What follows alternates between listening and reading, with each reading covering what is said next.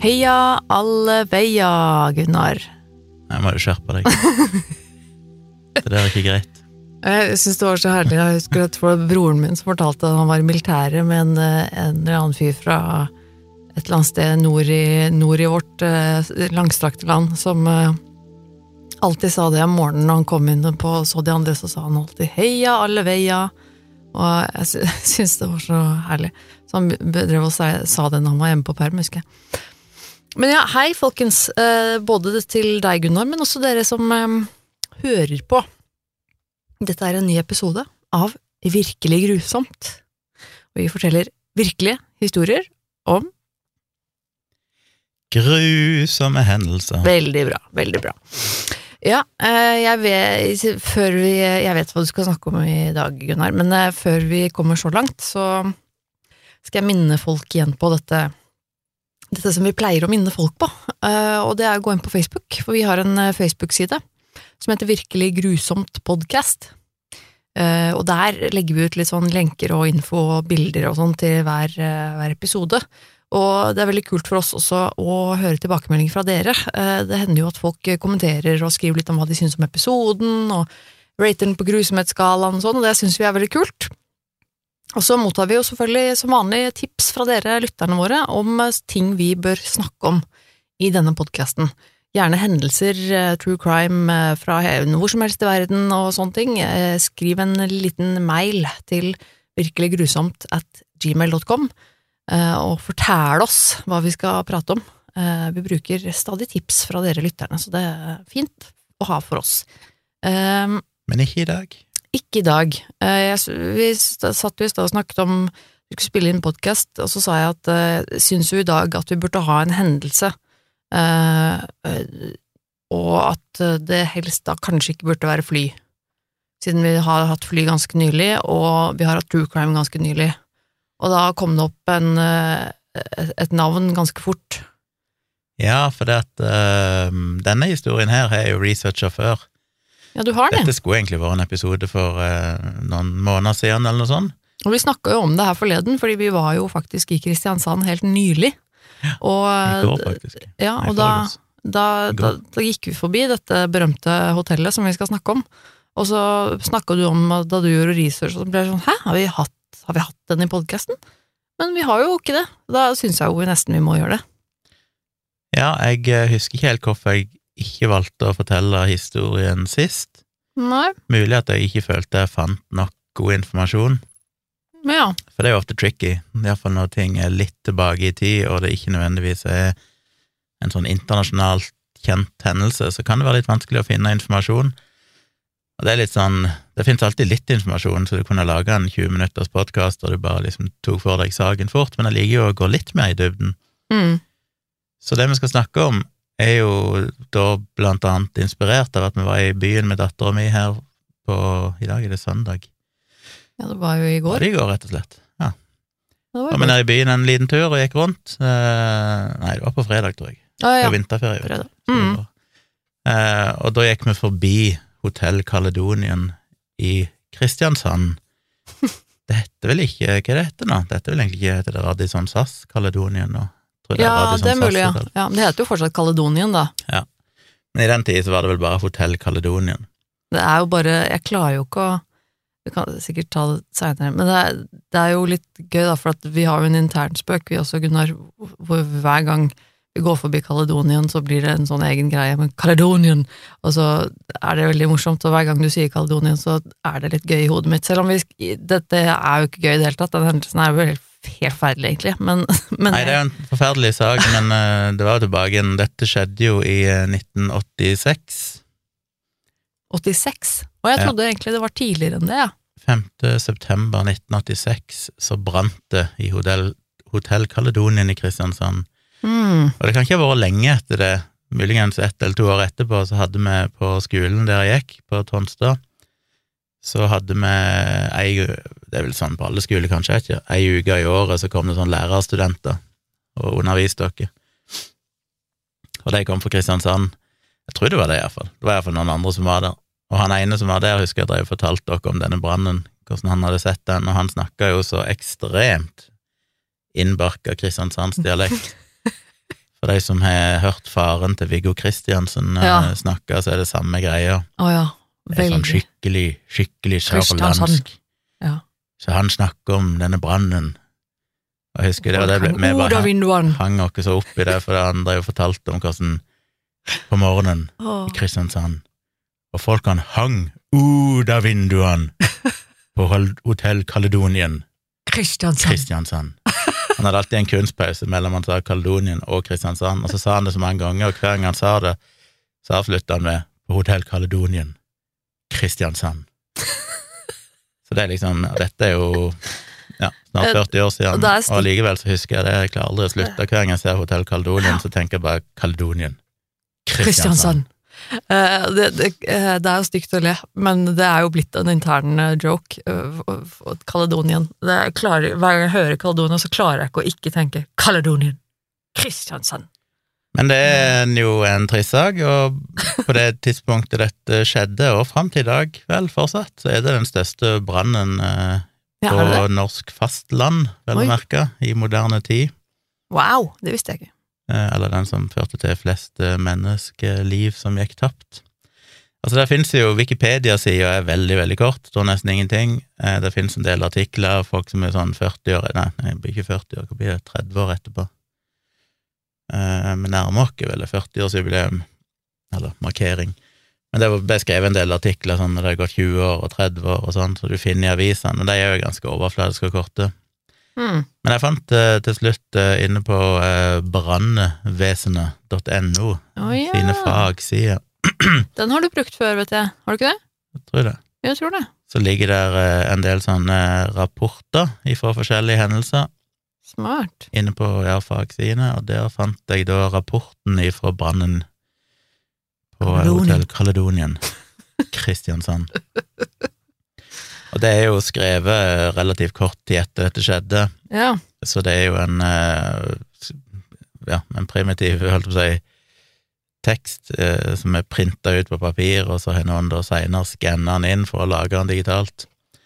Men det betyr at det sidene her kan jeg verken merke tekst eller kopiere tekst eller noen ting. Det er liksom sånn skrivemaskinaktig tekst, Oh, ja. eh, som gjør det litt komplisert, for den er jo på veldig lang, langt over 100-150-200 sider, et eller annet sånt.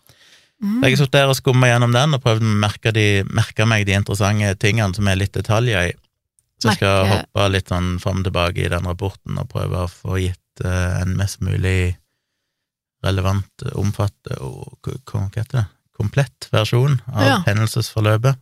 Ja, jeg er litt spent, for, jeg, for jeg kjenner jo til eh, historien, liksom, men eh, ganske, bare sånn ganske overfladisk, tror jeg, så jeg tror også jeg kan eh, lære noe nytt i dag. Denne rapporten er jo selvfølgelig skrevet for brannvesenet, så den inneholder jo 90% veldig sånn branntekniske ting, med Ja. diskusjon og drøfting av, av regelverk og type dører som ble brukt, og alt mulig sånn, da. Å ja. Men uh, det inneholder jo litt, uh, litt sånn om hendelsesforløp og sånn òg, som jeg skal prøve å gå gjennom. Mm -hmm. dette var altså 5. september 1986. Eh, For de som har vært i Kristiansand, så ligger jo Hotell Caledonien Altså, Kristiansand er jo en firkanta by. Det heter jo Kvadraturen av en god grunn. Hele byen, på en måte sentrum av byen, er jo bare en firkant med veier som går på kryss og tvers. Mm. Eh, Kaledonien ligger nede i, hvis du står ved, ved sjøen og ser innover mot byen, så ligger det nede i venstre hjørne. Det ligger altså nærmest sjøen, da, på en måte, på, Nede ved fiskebrygga, der er det sikkert noen som har vært. ja, på vestsida, blir det vel? Vestsida av eh, liksom byen, sørvest. Ja, ned mot fiskebrygga der.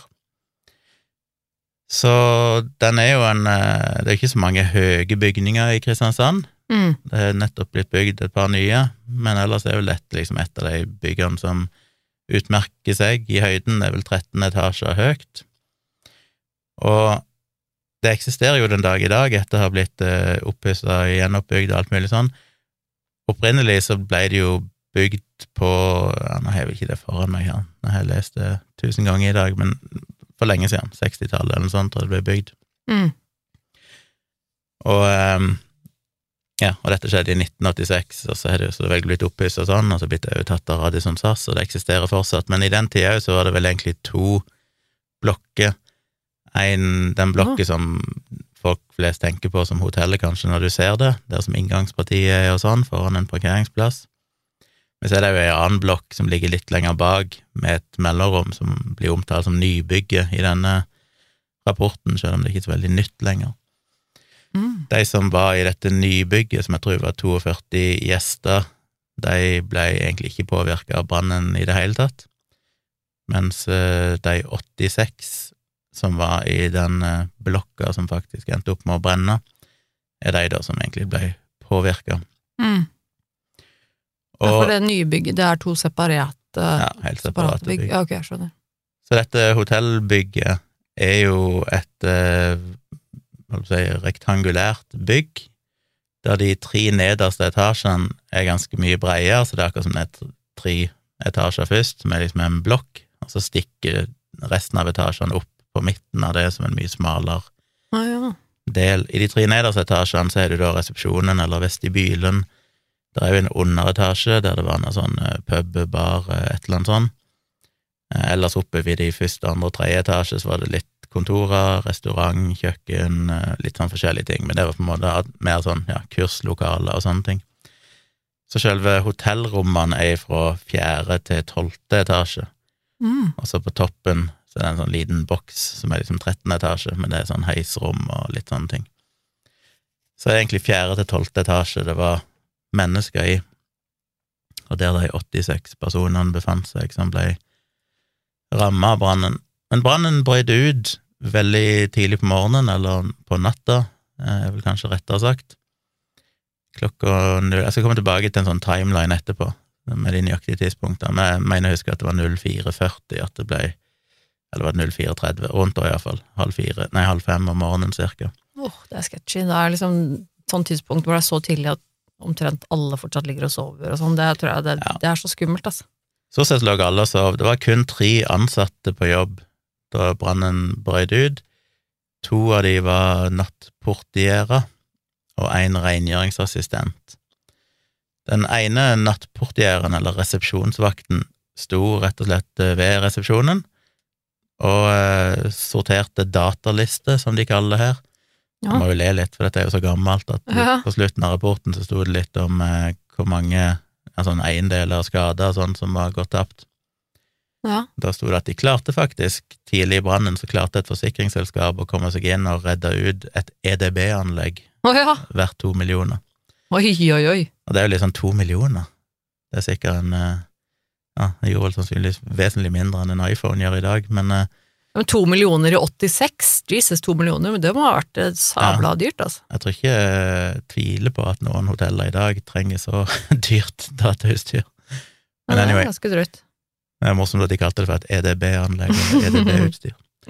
Men ja, så han drev og sorterte noen datalister, eh, for de hadde faktisk dataanlegg på det tidspunktet, da de registrerte gjester og sånn, og etter brannen så klarte de jo, eller i løpet av brannen så klarte de å få hente ut en av de datadiskene, som de kalte det, gudene vet hva det egentlig var for noe, men en harddisk eller diskette eller et eller annet sånt, hvordan de nå lagrer det, med, med gjestelistene, så de kunne få sjekka liksom at alle var Ja. hente ut og sånn, så det ble faktisk registrert på data. Men det er for så vidt irrelevant her og nå. Denne resepsjonsvakten sto altså og sorterte noen datalister da han merka at eh, det brant i hjørnet på ja, den vestibylen der han sto. Um, kan si selve utformingen av vestibylen, at det er en hovedinngang, og så kommer du inn til resepsjonen. Hvis du står bak resepsjonsdisken og kikker mot hovedinngangen, ut mot parkeringsplassen, Mm. På en måte framsida av bygget, så er det på høyre side, så går det ei trapp ned til underetasjen, der det var altså et slags mm, en bar eller et eller annet sånt. Mhm. Og det var i den oppgangen der at det begynte å brenne. De mener jo mest sannsynlig at det var en av lampene som var montert oppe i taket. Eh, tilbake i 1973, tror jeg, så ganske gammel lampe. Der det hadde skjedd en eller annen overledning, en kortslutning eller et eller annet sånt, oh, ja. som førte til en gnist eller en metall eller en elektrisk bue som yes. Var varm nok til å klare å få noe av isolasjonen der til å ta fyr. Hm. Så han merka at det brant, han eller hun, jeg er litt usikker, Ja. og umiddelbart ringte til brannvesenet og meldte ifra om det. men omtrent samtidig, det er mindre enn et minutt forskjell ifra vedkommende ringte, eh, så eh, ble det jo utløst en automatisk brannalarmanlegg, så brannvesenet fikk på en måte to varslinger ganske samtidig, mm. og rykka ut. Eh, I løpet av ett minutt var de allerede på vei, og det var bare to minutter seinere sånn, før de var framme med, med hotellet. Så det gikk jo fort. Ja. Eh, det automatiske brannalarmanlegget òg ble som sagt utløst, men brannen spredde seg så sinnssykt fort. Det var snakk om De mener jo at det var mindre enn ti minutter ifra det oppsto åpen flamme, for det kan ha leia og ulma en stund oppe i himlinga der, Ja. i noe isolasjonsmateriale og sånn, eh, og spredd ganske mye røyk i alle hulrom og sånn opp under taket og sånn der, før det til slutt slo ut i, i åpen flamme, da. Men ifra det slo ut i åpen flamme, så gikk det jo mindre enn ti minutter før hele vestibylen var overtent. Wow! Oi. Så eh, vedkommende hadde ikke mye tid på seg. Og det var, det Men, var eh, skummelt, altså. Han prøvde veldig fort å, få, å finne gjestelistene. Eh, Ja. Heldigvis så hadde de hatt en brannøvelse på våren samme året, og det ble visstnok avvikla året før, i 1985, så fjerna de kravet til å ha sånne brannøvelser med ansatte på hoteller. Oi. Men heldigvis hadde de hatt det der. Eh, I den rapporten så står det jo en anbefaling om at det bør gjeninnføres. Eh, Ja. Godt mulig at det ble gjeninnført, at det er vanlig i dag, det vet jeg ikke. Men en eller annen grunn så avvikla de det. Men de hadde iallfall hatt en brannøvelse. Mulig det var derfor han visste hva han skulle gjøre, og jeg synes det er litt fascinerende at uh, han umiddelbart prøvde å finne gjestelistene, det, det er jo smart. Men rakk rett og slett ikke det, for det begynte å brenne så fort at han måtte bare gi opp og rømme. Oi. Den andre nattportieren var på en branninspeksjonsrunde, ironisk nok, En branninspeksjonsrunde? i de øvre etasjene av hotellet. Og han hadde kommet inn i heisen i tiende etasje, og så hørte han brannalarmen gikk nede i hotellet. Igjen, det står jo mye tekniske detaljer om brannalarmen, eh, litt motstridende beskjeder eller meldinger, eh, avhengig av hvem de har snakka med, enten de snakker om de som installerte det, eller om de snakker om forskriftene og sånn. Men så vidt jeg har skjønt, så er det mest sannsynlig at det, når det brøt ut, at det var på en måte seksjonert, sånn at når det brøt ut brann nede i, i den nederste delen, så Mhm. gikk bare alarmen i første til tredje etasje. Oh, okay. Så i utgangspunktet så gikk det ikke noen alarm oppe i fjerde til tolvte. Men den brannalarmen er likevel designa sånn at hvis alarmen går, så skal det 20 sekunder etter at alarmen trigges, så blir det spilt av en, eh, en kassett, eller et bånd, i alle rommene på høyttalere som sier på flere språk, norsk, engelsk, tysk og fransk, at eh, det er brutt ut, eller det er gått en alarm, Ja. gjestene bør kle på seg, men bare holde seg på rommene i avvente av, mer informasjon. Ok. Eh, Så den ble spilt av, men så var det ikke lenge etter at den ble spilt av, så gikk jo strømmen. Jeg tror den går flere ganger, men så gikk strømmen ganske kort tid etterpå, så da slutta den òg å spille av, da. Um, men det er jo så vidt greit nok. Den andre nattportieren var altså oppe i, i toppen der. Han var i tiende etasje i heisen, han hørte alarmklokkene helt nede da, hørte de sikkert opp gjennom heissjakten, Mm. og skjønte at det var brannalarmen, og ville ta heisen ned til resepsjonen, som sikkert mange ville gjort. I dag så er det vel litt sånn at du, hvis du hører en brannalarm, så bør du kanskje ikke ta heisen, Ja, men det eh, det samtidig så visste han jo ikke helt sikkert om det faktisk var en brann der Nei. i det området. Jeg vet ikke. Uansett, tok iallfall heisen. Han trykte på feil knapp, Nei. Så han endte opp i femte etasje. Og da han, døren åpna seg der, så merka han at det allerede var røyk der ute. Så han eh, tok heisen videre ned til første etasje. I femte etasje? Oi. Så han kom ut av heisen ved resepsjonen, men det må jo ha vært veldig tidlig, for at eh, der nede ble de overtent veldig fort, og han så jo at eh, når han kom ned, så brant det jo godt der nede allerede, Ja. og det var massive mengder med svart røyk som spredde seg i hele vestibylen, Shit. så han hadde ikke mulighet til å gå fra heisen og til hovedinngangen og komme seg ut der, men uh, han møtte tydeligvis den andre resepsjonsvakten, og de klarte å finne en bakvei ut da, gjennom uh, ja, en annen utvei der bak, som jeg tror medfører at de måtte gå ned i underetasjen og så ut en eller annen vei der. Den tredje som var på jobb, var en rengjøringsassistent som jobba i restaurantdelen i andre etasje da brannen startet. Og han eller hun tok trappa ned og kom ut i resepsjonen, som er med trappene da, som er rett på sida av heisene, på påsto at på veien ned hadde han ikke merka noe til røyk, men da han åpna døra inn til vestibylen, så så han masse svarte røyk oppunder taket. Og så òg at det brant der inne, og at det hadde begynt å falle ned takplater.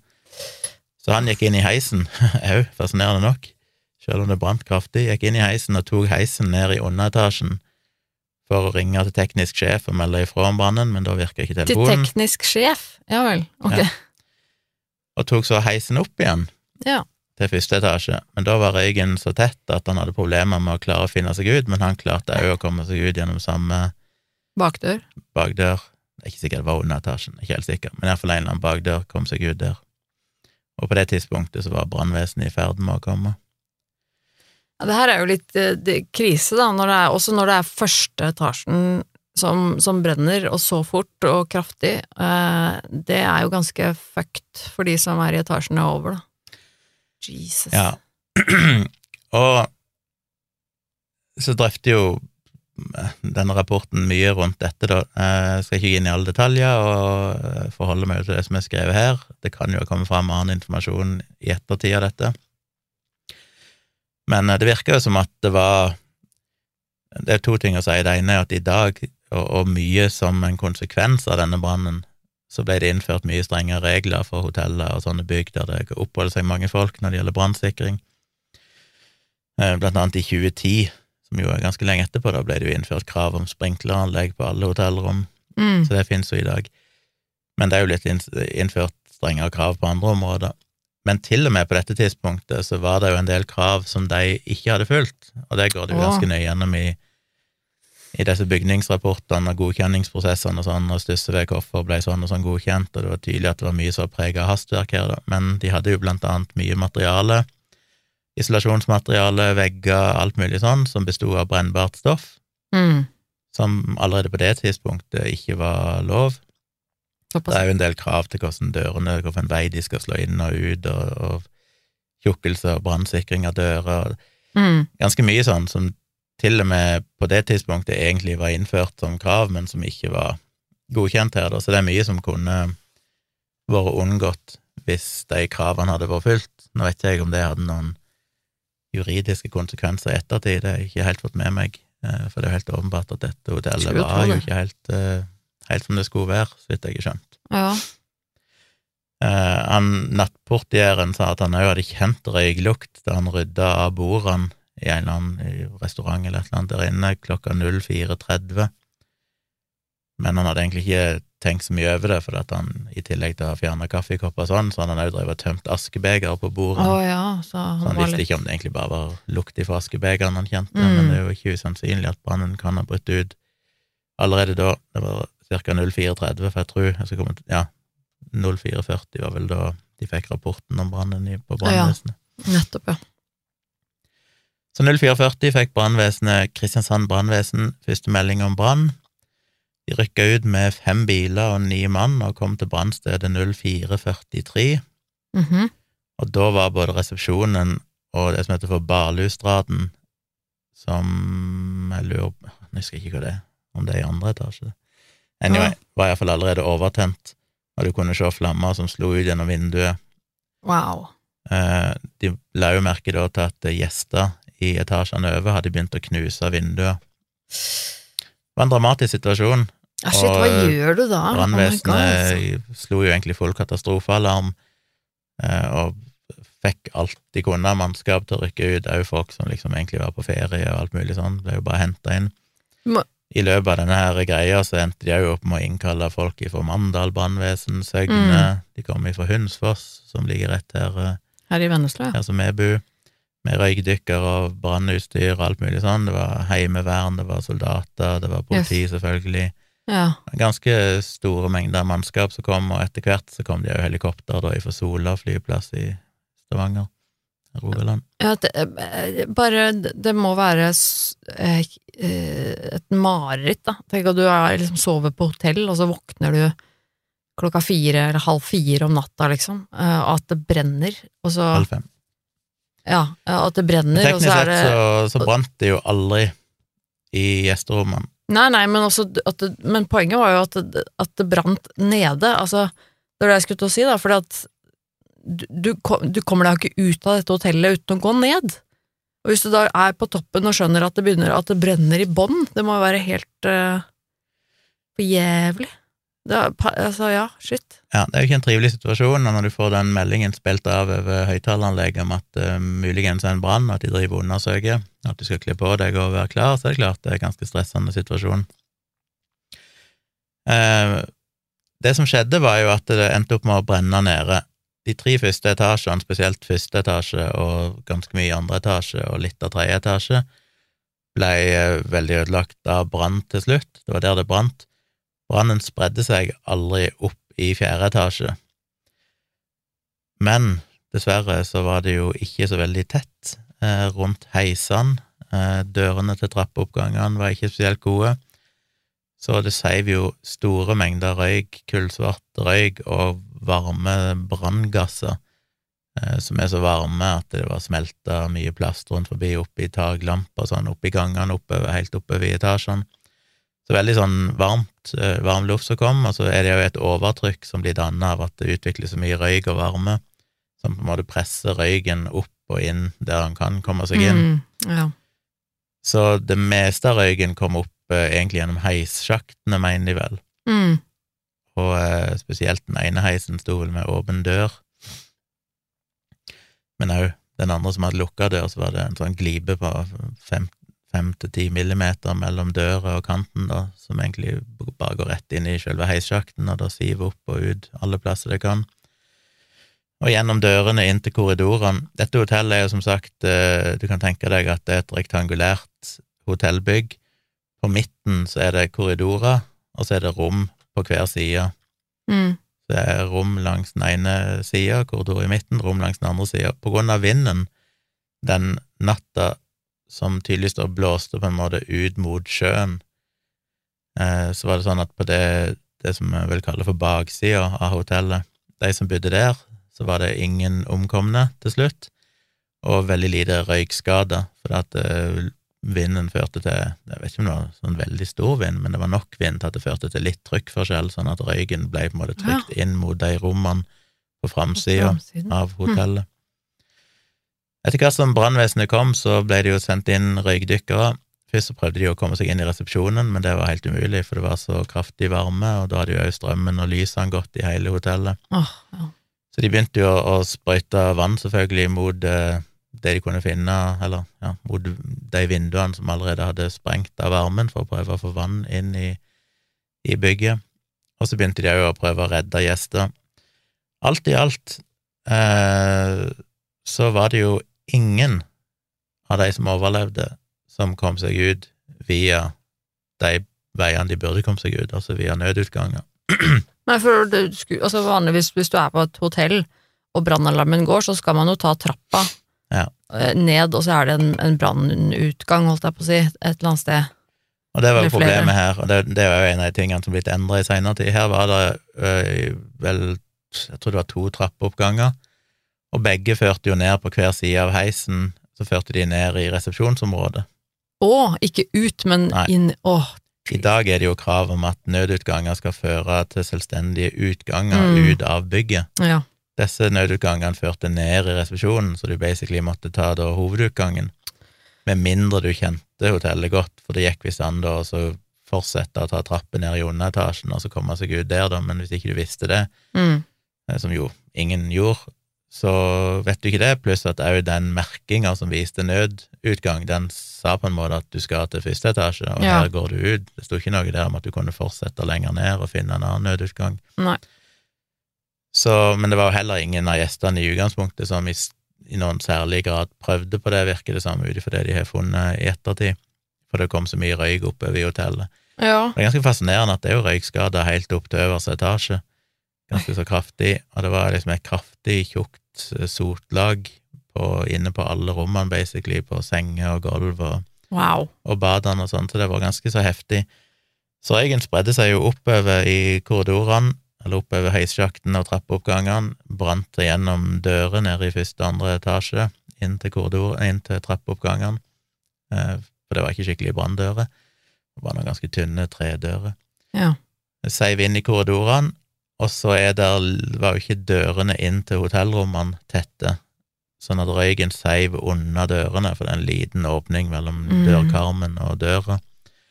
Både fordi de ikke er tette i utgangspunktet, men òg fordi at i et hotell som allerede da var nesten 30 år gammelt, så er det jo slitasje og sånn som gjør at det, de får åpninger. Og når ja, så røyken kom inn der, og med tanke på hvordan disse rommene så ut etterpå, med hvor mye sot det var på de, så har det vært ganske heftig med røyk inne på rommene. Mm. Så gjestene fikk jo selvfølgelig panikk, og eller iallfall ble jo livredde, som seg hør og bør, og i desperasjon så knuste de vinduer. Det var det andre problemet. Hvorfor knuste de vinduene heller enn å åpne de? Vel, fordi at de hadde jo fjerna håndtakene på alle vinduene på oh, ja. gjesterommene, så ikke de skulle gå an å åpne de. Eh, Hotellet hadde fjernet alle håndtakene. ja, tre år tidligere, tror jeg, så ble det installert et nytt eh, ventilasjonsanlegg, og de fant ut at hvis gjestene drev og åpna vinduene, så reduserte det kapasiteten på ventilasjonsanlegget. Ja. Så det ville de helst ikke at gjestene skulle gjøre. Nei. Så de fjerna rett og slett håndtakene på alle vinduene. Eh, selv om de ikke hadde gjort det, så var det jo fortsatt barnesikring på vinduene, sånn at du bare kunne åpne de litt, og ikke helt. Mm. Og du kan selvfølgelig åpne de helt hvis du vet hvordan du fikler med den mekanismen og sånn, men i en, i en nødsituasjon så er ikke det så lett. Det står jo noe i denne rapporten, da, som vel er fra 80-tallet en gang, at eh, det er krav om at alle hotellrom skal ha ett vertikalt vindu av en viss størrelse som skal kunne åpnes. Ja.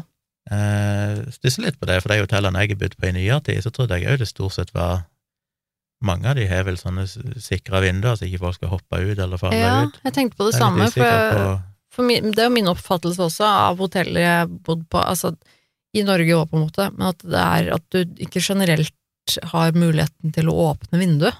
Nei, så det var litt rart. Eh. Og her så står det at en av grunnene er jo ikke at folk skal hoppe ut og sånn, men det er at de skal kunne kommunisere med brannvesenet og sånn på utsida. Ja. Så, men iallfall, det var ikke mulig på disse, disse rommene her. Så de endte jo opp med å knuse, de brukte koffertene sine og diverse til å knuse vinduene. Um, ja.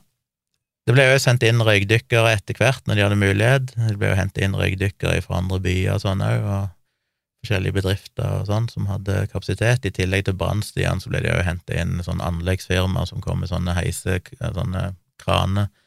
Shit. Um, hva heter det, sånne lifter på en måte, med en sånn Ja, sånn li, ja, ja, lift, ja. Mm. Så de aller fleste gjestene som ble, eller alle som ble redda, ble jo redda via vinduene, Ja. i all hovedsak.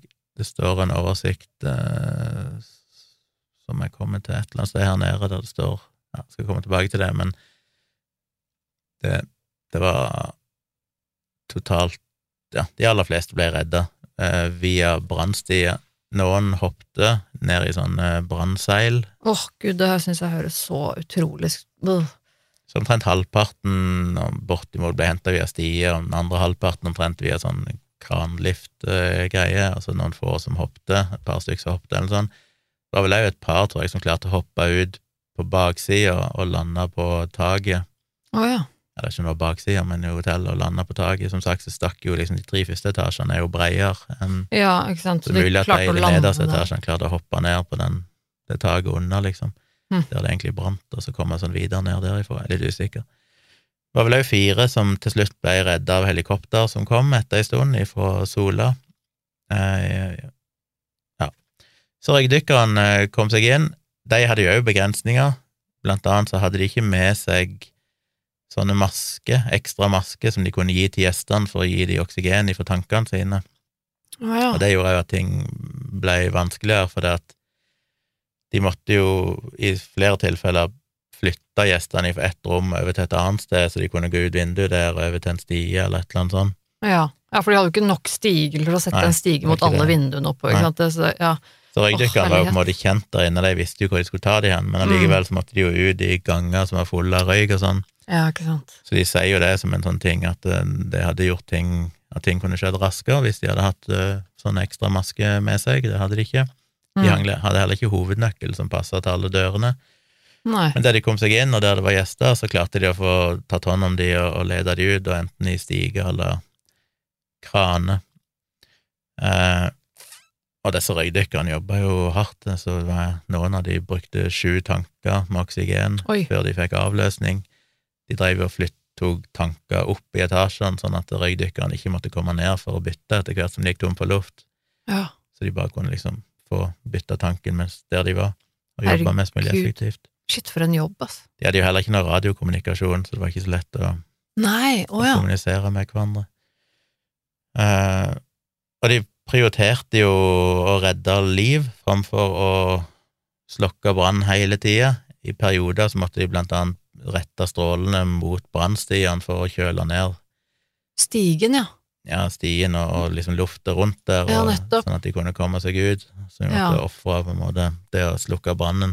Så de kunne i det hele tatt ta på stigen og ikke bli kvalt av røyken når de kom ut av det vinduet og liksom Ja, for bare den generelle varmen i området Ja. var så høy at de måtte kjøles ned, så det, Det det førte til at ilden blåste opp igjen et par ganger. Ja. Men det var den prioriteringa de gjorde. Etter en time så hadde de ca. 20 røykdykkere i aksjon, og, og det var ti forskjellige ti mannskap som drev med slokking, Mhm. og på det meste så var det 35 røykdykkere i, i aksjon, Wow. i tillegg til at de sto og pumpa og sprøyta vann. Eh, så rett før klokka ni så var vel situasjonen i utgangspunktet under kontroll, og da hadde de fått ut Klokka ni? alle de overlevende, ja, så det tok jo fire timer, cirka, litt over fire timer, Å, fy drev og- og å redde folk. Hvis vi går litt tilbake igjen til timelinen, Ja. jeg skal bare skumme kjapt gjennom, for det er litt detaljer der òg, altså 0440 så fikk de jo da beskjed om at alarmen var gått. Mm. De rykket ut 0441 og var framme med hotellet klokka 0443, der det da var allerede full overtenning og umulig å komme seg inn i, i hotellet på det tidspunktet. To minutter etter det så gikk jo strømmen i hele bygget. Så det er jo ikke lenge hvis alarmen gikk 0440, og så kort tid etter så begynner de å spille av den, det lydbåndet. Mm. Så var det jo da innen fem minutter, så var strømmen gått. Så det var ikke så lenge det lydbåndet ble spilt av, så en får jo håpe at mange våkner. Ja, ja, det var det jeg så tenkte på, for, for sånn, jeg lurer på hvor høyt det er, liksom. Var det noe lyd, eller var det bare en stemme som på en måte sa sånn, hei, nå Er brannalarmen utløst på de lavere etasjene. Vennligst kle på deg klærne dine. sånn, Altså, sånn, ja, warning, Warning, det er sikkert ganske mange som ikke hadde våknet av det. Altså, ja, altså, ja. Å, fy fader. Men i utgangspunktet så tror jeg ikke det gikk noen alarm der oppe. Det var kun den lyden, den teipen som ble spilt av. Mm. Allerede 0447, altså bare sju minutter etter at brannalarmen gikk, så begynte de å redde ut de første gjestene med stie. En Oh. sånn stie bak på brannbil som blir heist opp. Ja. Og det ble jo anmoda ambulanser til å komme. Og etter hvert så kom det jo flere biler. Klokka fem så ble eh, politiet varsla av overbrannmesteren om å slå katastrofealarm.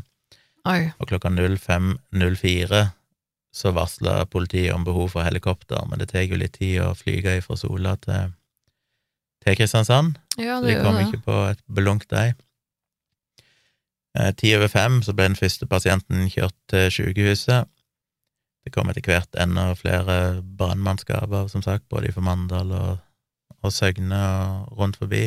Mm. En del eh, MP-soldater som ble jo tilkalt til å holde vakt rundt området og alt mulig sånn. Det var jo en del soldater som jobber på rekrutter, så var det på Odderøya.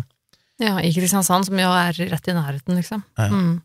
Det, det må jo ha vært et helt sinnssykt kaos. Jeg, jeg klarer ikke å se for meg engang at det en Nei, det, selve det- redningsoperasjonen gikk veldig smooth. Det ble beskrevet som at det nesten virka som at det var koreografert, visstnok. Yes, ja, så bra. Men eh, rundt en time etter at de booka helikopteret, så kom jo de, da. Kom det Sea King redningshelikopter fra Sola, som kom ca. 06.26. Ja. Og det ble jo sagt, eh, som er litt morsomt i rapporten, at en del gjester i ettertid sa at eh, selv om helikoptrene ikke kunne redde så mange, for det var så begrensa kapasitet på dem, Mm. så hadde de en effekt ved at når de hovra liksom sto over hotellet, så blåste de vekk røyken, Oh, ja. sånn at de som hang ut av vinduene sånn, klarte å se brannmannskapet unna og kunne liksom Så det varsle. Og, oh, wow. så det er morsomt det står i rapporten at liksom, dette er kanskje verdt å merke seg til framtida. at det kan være en Ja, det tenkte jeg ikke på. Ja, det er jo Ja, ikke sant? Wow. Um, ja, så de fortsetter jo utover dagen her. Klokka 07.45 så var det to personer som vinka fra toppetasjen på hotellet, som et helikopter fikk melding om, Ja. som de har klart å få henta opp. Og så ble det sendt eh, etter hvert folk til Sørlandets sykehus, der noen av de hadde hatt hjertestans, som vel er en fin måte å si at, de, at det var jo en del av de som var døde, da. Mm. Um, Ja, det er jo dessverre røyken som, som dreper, og ikke, ikke flammene. Røyken kommer jo først også, den er jo mye farligere. Klokka 8.32 så meldte de at 127 personer var tatt ut fra hotellet. Da inkluderer de jo den nye blokka der de egentlig ikke ble Ja. ramma av brannen. Mm. Men at de òg meldte om at det var flere livløse som ble meldt å ligge i gangene. Oi. Det endte jo opp med, det er jo ikke sagt ennå vel, men det endte jo opp til slutt med at 14 mennesker døde i denne brannen. Eh, ni av disse ble jo funnet på rommene sine, så det er jo Mm. bare fem som endte opp med å bli funnet i gangene. Det kommer jo fram i en sånn eh, kritisk drøfting i den rapporten at eh, på et eller annet tidspunkt så meldte politiet via sånne roperter, eller hva du kaller det, hva heter det igjen, Sånn megafon, Megafon, liksom. Sånn. At de oppfordra de eh, gjestene som var i den fremre delen av hotellet, til å flytte seg over til rommene på andre sida av gangen, på den bakre sida av hotellet, for der er det mindre røyk. Oh, ja. Og så er det en drøfting var det fornuftig eller ikke. For på det tidspunktet så var jo korridorene helt overfylt av røyk. ja. Kom de seg inn i de rommene også, tenker jeg? Det, Det er jo er ikke, er ikke... de må jo være opp, oppe, så det er jo det var det som er liksom, er ikke det litt stor risiko å, å oppfordre gjester til å ta Ja. seg ut i røykfylte ganger der de kanskje ikke ser og ikke vet hvor de skal gå hen. Og, Oh, Jesus. så de gjør noen analyser med hvor de fant disse livløse menneskene, eller de døde menneskene.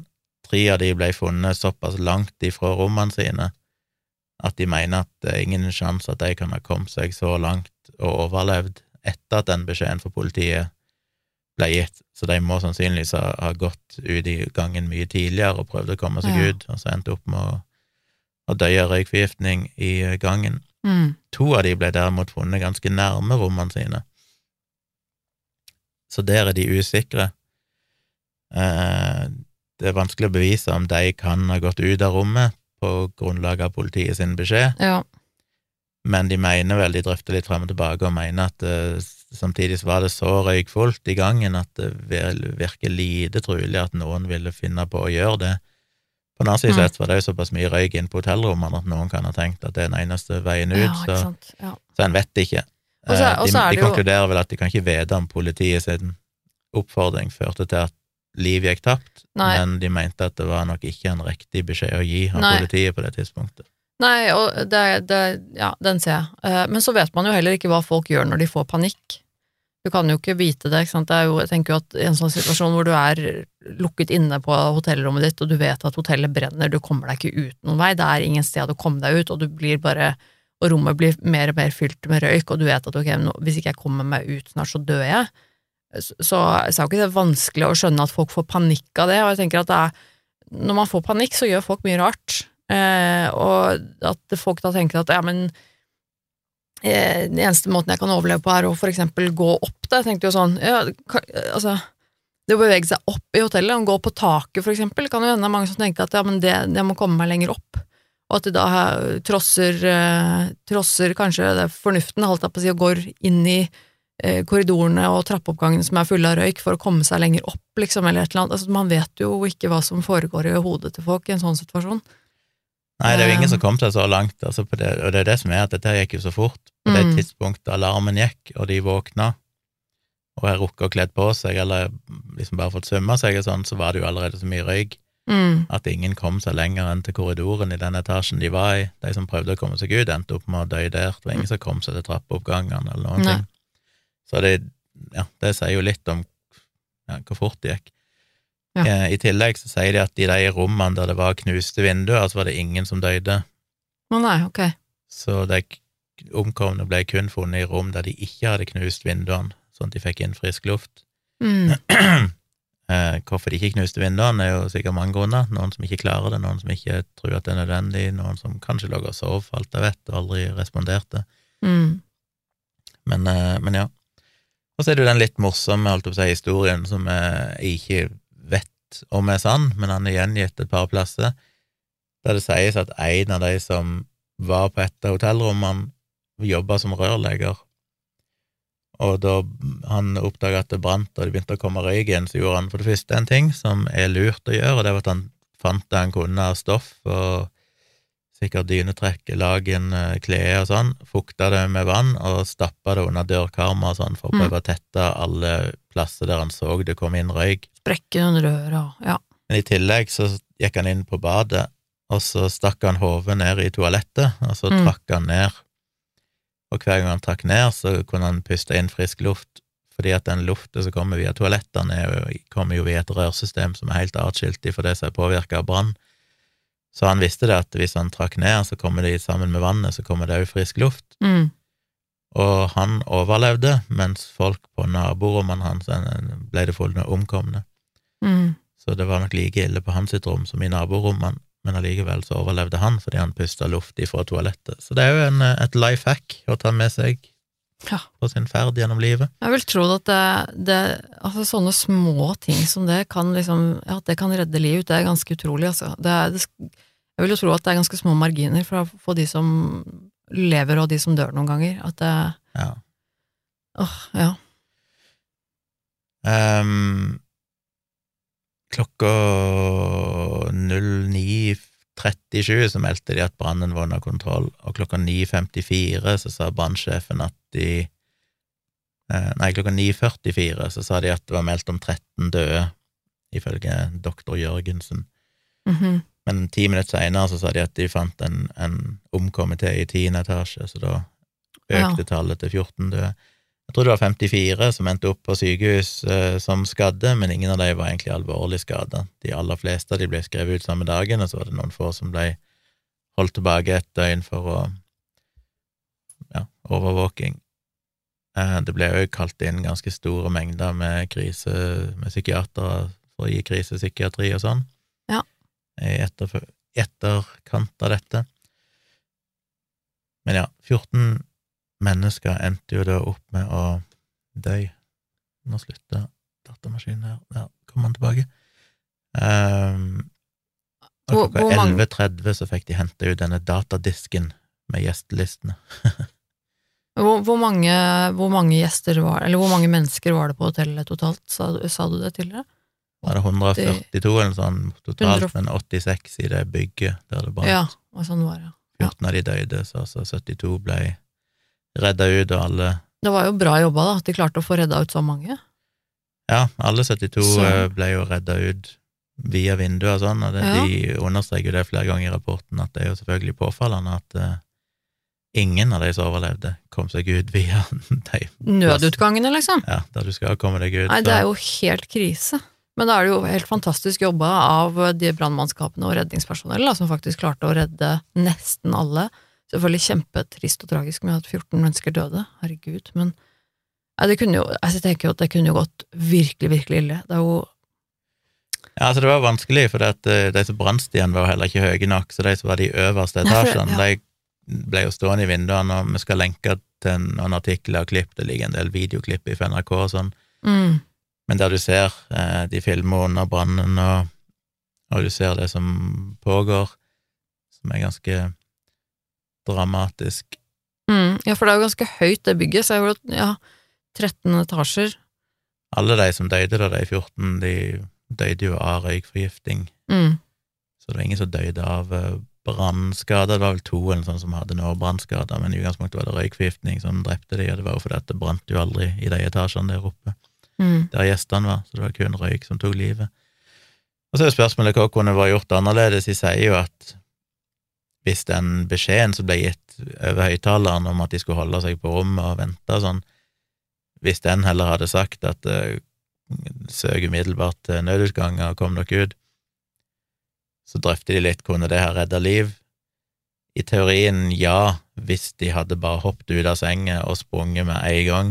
Hadde de det? Hadde de klart å De være kjappe nok da, kanskje? det, men de sier at mest sannsynlig så hadde de bare endt opp nede i resepsjonen, der det uansett brant, og så hadde Ja. de ikke De ansatte visst jo hvordan de skulle komme seg ut.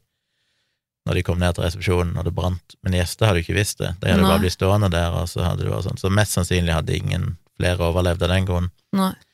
I teorien kunne de kanskje ha gjort det eh, i beste fall, men i realiteten så vil jo de fleste bruke litt tid på å våkne, og de vil gjerne kle på seg og, og sånne ting, så på det tidspunktet ville det uansett vært for seint. Hvis ikke du liksom umiddelbart bare sprang Mm. rett i senga di, så hadde du ikke hatt sjanse, for det var bare noen minutter seinere, så var jo alt helt fullt av røyk og, og sånn. Um, det var en ting til jeg skulle uh, si angående noe brannsikring Ting som er utført i ettertid. Altså, det har jo skjedd mye er Branndører og sånn, vel? Ja, det er litt som med disse flyulykkene vi snakker om, at uh, hver ulykke fører jo til at ting blir bedre. Mm. Dette er jo en av de ulykkene som kanskje har hatt størst betydning, sånn med tanke på å endre brannforskrifter sånn i Norge i moderne tid. Mm. Så selv om denne endte jo da i tragedie, i den forstand at 14 personer døde, så har det jo ført til mye endringer og gjort at ting har blitt tryggere.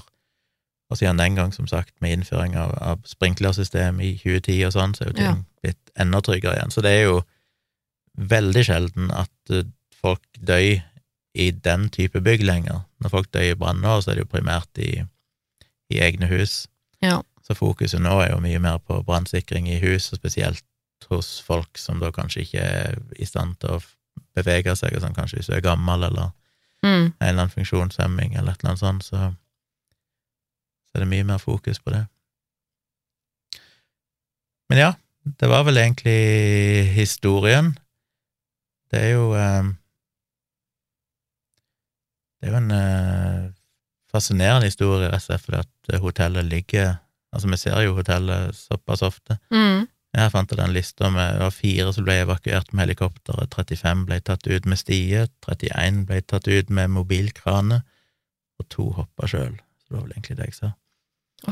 Det, det der, eh, det er sånn jeg har sett på eh, holdt jeg på å si tegnefilm eller sånn filmer og sånn fra jeg var liten, det der med at det, det brenner, og så skal du hoppe ned i en sånn der, holdt jeg på å si, trampoline som de, som de står på bakken og holder seg mellom disse brann... Og så det er bare sånn Det ser altså så fjernt ut. Ja. Altså, tenk altså, hoppe ut av vinduet, ned noen Å, nei, fy fader. Og det Det er nå én ting, de sier jo det at det er jo et under at ingen ble skada av alt glasset og sånn som ble slått ut, eh, oh, ja. og falt ned på bakken under. Det gikk jo heldigvis bra. De er jo overraska, eller ikke overraska, men de sier at det var flaks at ingen valgte å hoppe ut av vinduene, sånn som en har sett ved tilsvarende branner i andre land. Ja. Og så kan vi jo gå tilbake til 9-11 og sånn, som viser jo desperasjon, ikke sant, når du er oppe i sånn 70. etasje, eller hva det er, ja, og tenker tenker at ok, det er bedre å bare hoppe ut nå enn å bli her. Det sier jo litt om eh, Men da, klart men da tenker jeg jo at da, da er det jo også de menneskene som hoppet i altså World Trade Center, for eksempel, de visste jo at de kom til å dø uansett. Det er jo Ja. mennesker som på en måte vet at ok, men nå er det, det er over. Jeg vil, heller, jeg vil heller hoppe og dø på den måten enn å eh, brenne inne eller å, ikke sant, et eller annet. Jeg, jeg, jeg vil jo tro at eh, at mennesker som hopper i en sånn situasjon, vet at de kommer til å dø. Det og i hvert fall når det er så høyt. Altså, du, du, kommer, du, du er jo ingen som overlever et, et så høyt hopp. Men jeg tenker at hvis du, hvis da er fanget i et sånt bygg som Kaledonien, da, som er 13 etasjer, så, så tenker jeg at da, da er det vel lettere å tenke kanskje at man kommer til å bli reddet, da, på en måte. Jeg vet ikke. Ja, eh, og det var jo som sagt Ja. en av de tingene de drøfter her òg, er hvor viktig det tydeligvis var, og som gjestene har rapportert i ettertid, hvor viktig det var å ha kommunikasjon med politiet og brannvesenet, Mm. som òg nok var en av grunnene til at folk kanskje ikke hoppet. Ja, de og det, kunne selvfølgelig, se det kommer kommer jo her an er på det stier på vei, her er det folk, Ja. det må liksom, vi må bare- vente.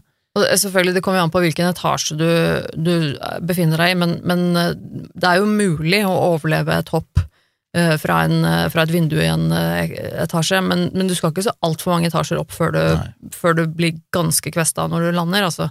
Så jeg, så tenker at det er da Men det virker jo heldigvis, tross alt så brant det jo ikke der oppe. Nei, nei, nei Så- det gjorde jo ikke det. Så fremt de fikk knust vinduene og, og liksom fikk pusta luft, frisk Ja. luft, Så så var det ikke eh, nødvendigvis en sånn Det er ikke sånn at du følte at noe kom bak deg, og det brant nærmere og nærmere, og nå må du hoppe. Det var jo liksom at de var redde, men at de regnet med at ok, folk kommer, de er her, de, de jobber med saken. Eh, liksom, hold ut, hold ut, liksom. Ja. Ikke for å underspille hvor dramatisk og skremmende det sikkert må ha vært, men, men det er jo litt sånn at det, ting ble ikke nødvendigvis verre og verre når de først var der. Når de først hadde knust vinduet, så var det ganske stabilt, regner jeg med. Så ja. 86, ja. Det er jo det er en stund siden nå, men, eh, men det er jo på en måte i vår levealder. så ja, altså, jeg husker det jo. ja, jeg, det var jo før jeg ble født, da, så, men- så jeg husker det jo ikke. Men, men hvis det er noen av lytterne våre som eh, kjenner til eh, personlig denne hendelsen her, så vil vi gjerne høre fra dere. Det er jo kjempespennende. Det vi har historier fra Norge, er jo at det er jo så mange i landet vårt som viser seg at plutselig har hatt noe med saken å gjøre. Som Mhm. kan fortelle noe om sine egne erfaringer. Det, det, er, eh, det er jo veldig interessant. Hvis noen har lyst til å dele det med oss, så, så tar vi gjerne imot det. Enten om du vil sende oss en mail, eller bare kommentere på Facebook-posten vår, eller et eller annet. Det er litt interessant å bare lese litt om sånne ting som er blitt sånn sikkerhetsgreier som blir gjort i ettertid. Som jeg nevnte tidligere, dette her med rømningsveier, at det var jo en av de store feilene her, at rømningsveiene leder rett ned til resepsjonen, som er jo Mm. der det faktisk brant. Jeg skjønner ikke at ingen satt der og bare sånn Men hvis det brenner i resepsjonen Altså, men, men nå er det jo krav i hotellene at det skal være, hvis jeg skjønte det riktig, da, at det skal være Uansett hvor du er, så skal du ha tilgang til iallfall to separate rømningsveier. mm, og rømningsveier i dag skal være helt sånn brannisolerte for resten av bygningen. Ja. Eh, Med selvfølgelig branndører som lukker seg sjøl, alt det der. Så i et moderne bygg så ville du ikke fått det problemet som du er her i det hele tatt. Du ville verken fått røyk opp i, i trappeoppgangene, rømningsveiene, du ville òg kunnet rømt ut av bygget via Mm. de trappeutgangene som da er helt brannsikra og isolert for resten av bygget. Ja. Alt det, så da er jo målet bare å komme seg til rømningsutgangen, og det er jo det som er målet. Hvis du først har kommet deg ut til rømningsveien, så skal du være ganske trygg. Ja. Men det er jo å komme seg fra hotellrommet til deg, det er jo derfor det er så viktig å, å legge merke til når du er på et hotell hvor de rømningsveiene er hen, sånn at du vet du kan komme deg der. Ja, Når du de- først er der, så er du ganske trygg. Det det sa de òg i intervjuet av gjestene her i ettertid, at det var nesten ingen av de hadde jo tatt seg bryet til å sjekke rømningsveier og sånn. Nei, men var det, det var det faktisk hengt opp info om det, Liksom? Hengt opp info og sånn, Det var alt det var på plass, og det var jo Ja. merka tydelig, og alt sånn var på stell. Ja, Men eh, Ja, det er jo et kjempe ikke at det hadde hjulpet noe i denne situasjonen. life hack-tips, det, altså. Eh, Jeg vet ikke om, om det er sånn i alle land, men i Norge så er det vel i hvert fall pålagt å, å ha rømningsplanoppløp på alle rom på hoteller og sånn. Mm. Eh, Som regel så er den jo rett innafor døra. Eh, Så å bare ta en kikk på den planen. Her er rommet ditt, eh, og her skal du løpe for å komme deg til nærmeste nødutgang. Det kan jo være det- Jeg håper jo ingen får bruk for de, den opplysningen, men det er jo dumme å, å det vite det hvis du først havner i den situasjonen, så Og det kan virke komplisert, det merker du jo sjøl når du ser de der greiene, så tenker du at det her er komplisert, dette orker jeg ikke. Men igjen, er det viktige er jo ikke å vite hele veien ut av hotellet, det viktige er kun å vite hvor inngangen til rømningsveien er. Når Ja. du først er der Ja, og inne, du skal. så er det jo trygt, og Ja. det er godt merka. Ja. Så du trenger bare vite én ting, det er hvor er nærmeste nødutgang, og gjerne da merke deg begge, sånn hvis det skulle være brann på feil side, Mm. så har du en plan B. Men det tar jo liksom 30 sekunder å bare gjøre det. Og ellers er det jo de vanlige tipsene, her kommer vi jo alltid med gode tips i katastrofer eh, i denne podkasten, men det er jo som han rørleggeren gjorde, det er jo å prøve å tette dører og sprekker og Mm. sånn, med å igjen bruke Stappe inn liksom, fuktige filler eller klær, eh, dynetrekk, hva det skal være. Og så Stappe inn i selvfølgelig, hvis du må rømme ut i en gang, så er det jo å prøve å ta fukta tøy, fukta i T-skjorte, fukta et eller annet, og holde før munnen og puste gjennom en fuktig Munn og nesa, ja. og så krype langs gulvet, for det røyken stiger som regel oppover. Ja. Så på bakken så er det minst, og der de jo gjerne merker langs eh, listene på gulvet, så er det jo det er ikke uten grunn at det er gjerne der det er merka med sånn selvlysende greier, for at folk skal krype langs gulvet og komme seg til nødutgangen, så det er viktige ting å gjøre. Og så er det lov å knuse vinduet i en desperat situasjon. Ja, jeg tenker at det, det, jeg, tror, jeg tror ikke det er noen som blir sinna på deg hvis du har knust et vindu hvis det faktisk var en alarm som gikk, for eksempel. Jeg vil tro at det, det, du blir tilgitt for det, det vinduet. Um, vi må jo rangere denne, da, på grusomhetsskalaen. Um,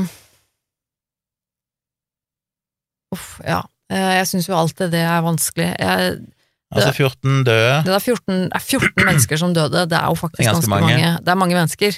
i beste eh, fall så var det jo, på tross av frykt, så skjedde det ganske fort, og jeg vil jo tro den Nei, jeg vet ikke om jeg kan si det er en behagelig måte å dø på, hvis det er branngasser og varmt og Nei, skummelt, tenkte jeg. Redselen, han må jo være. Men lurer på om det er ganske smertefritt, smertefri, Ja, om du egentlig bare liksom mister hende. bevisstheten, altså. Ja, kanskje det, det, er, det er kanskje ikke så mye smerter. Det er kanskje ikke det. Um, men eh, skummelt er det jo helt garantert. Kjempeskummelt. Eh, og så er det jo 14 mennesker. Det er jo mange mennesker. Riktignok så var det mange flere som ble reddet ut, heldigvis, enn som døde, men likevel så er det jo eh, Nei, det er jo kjempetragisk. Utrolig. Og så, så unødvendig. Herregud. Um, syv Men det går så høyt. Jeg tror ikke jeg vil gi det mer enn eh, Det er jo ikke noe ondskap inne i bildet, det er ikke noe, noe som er gjort med overlegg, det er ikke noe tortur og, og liksom sånn Nei, men det Det er bør ikke ha noe å si på en måte, men samtidig så føles ting verre hvis det er noen som står bak det og bruker sin vonde vilje til å påføre andre Ja. lidelse. Jo ok, jeg skjønner. Eh, men ja, selvfølgelig så har det vært noen minutter De som døde, døde nok eh, Ja, det er jo ikke godt å si hvor fort de døde. Nei, og så er det jo veldig, veldig mange mennesker som faktisk ble påvirket da, og veldig redde Det tok en fire timer vel før de hadde redda ut alle, hvis jeg husker rett. Ja. jeg møter ikke helt når de forskjellige døde. Jeg tror ikke det her er en uh... Men de døde nok relativt fort. Hvis ikke de, vind hvis ikke de knuste vinduene, så kan de ikke ha levd så lenge inn i Ja, hverken Jeg hotellrom eller ganger før de kryberte av røyken. Så. Men ja, nei, jeg uh, vil gi det nok maks en femmer, så jeg sier fem, jeg. fem! Fem, ja. Ok. Nei, ok, jeg kan eh, Jeg legger meg på en seks, jeg, da. Jeg er fortsatt, eh, jeg er fortsatt over deg. Hva står på ditt? Sju eller seks sju eller seks Ja, sju eller seks, liksom. Men jeg kan, ok, greit, jeg kan si seks. Jeg kan strekke meg Nei, nedover til en sekser. Jeg sier ikke at det er feil å gi sju, jeg bare sier at Ja, men du eh, er så Du er så Du er så, du er så krass. Du er så streng. Nei da. ja. Eh, nei, men eh, hva syns dere, folkens? Nå er jeg veldig spent på, på å høre, ikke minst, om dere visste om dette her. Eh, for det er jo Jeg må innrømme at jeg tror ikke jeg hadde hørt om dette her før du fortalte meg det en gang vi var i Kristiansand, liksom, og gikk forbi Kaledonien. Så jeg lurer på, det må jo være det må jo være mange som meg der ute som ikke har hørt om denne hendelsen her. Og så vil vi jo Ja, så kjempegjerne skriv til oss på Facebook eller i mail om du har noe å komme med i, i denne sammenheng. Eh, virkelig grusomt podkast på Facebook. Vi legger ut eh, bilder og litt sånne lenker der, så folk kan gå inn og sjekke. Og virkelig grusomt at gmail.com på mail. Mm. Jeg legger selvfølgelig ved noen linker, blant annet til denne rapporten, noen eh, avisartikler der det finnes noen videoklipp fra NRK og sånn, hvis dere vil se hvordan det så ut. Ja, det skal jeg sjekke ut Eh, nå. Eh, Det legger vi i shownotes til podkasten, og det blir jo posta på Facebook-sida vår når episoden kommer. Da Ja. er vi vel i mål. At jeg føler uansett hvor mye jeg forbereder en episode, så når jeg ser på klokka, så er det sånn, ja, nå har det gått omtrent en time. Det er ikke som at det er liksom planlagt for at det skal vare en time, det er bare helt random, men det ender liksom opp på en time. Ja. Pluss minus. Så. Ja, men det er jo fint, Det det. Ja, men eh, da takker vi for følget, vi, nok en gang, gjør vi ikke det? Og så håper vi at folk eh, likte episoden. Fortell en venn om podkasten vår, og så videre og sånne ting. Det setter vi stor pris på. Og gjerne gi Um, dere fem stjerner, selvfølgelig, på Apple Podcast. Det hjelper dere veldig. Ja, det, det er faktisk litt kult hvis folk eh, gidder det, altså. Og så eh, høres vi vel igjen eh, om en uke, vil jeg tro. Ja, får prøve det. Ja. Da blir det i så fall en remote. remote.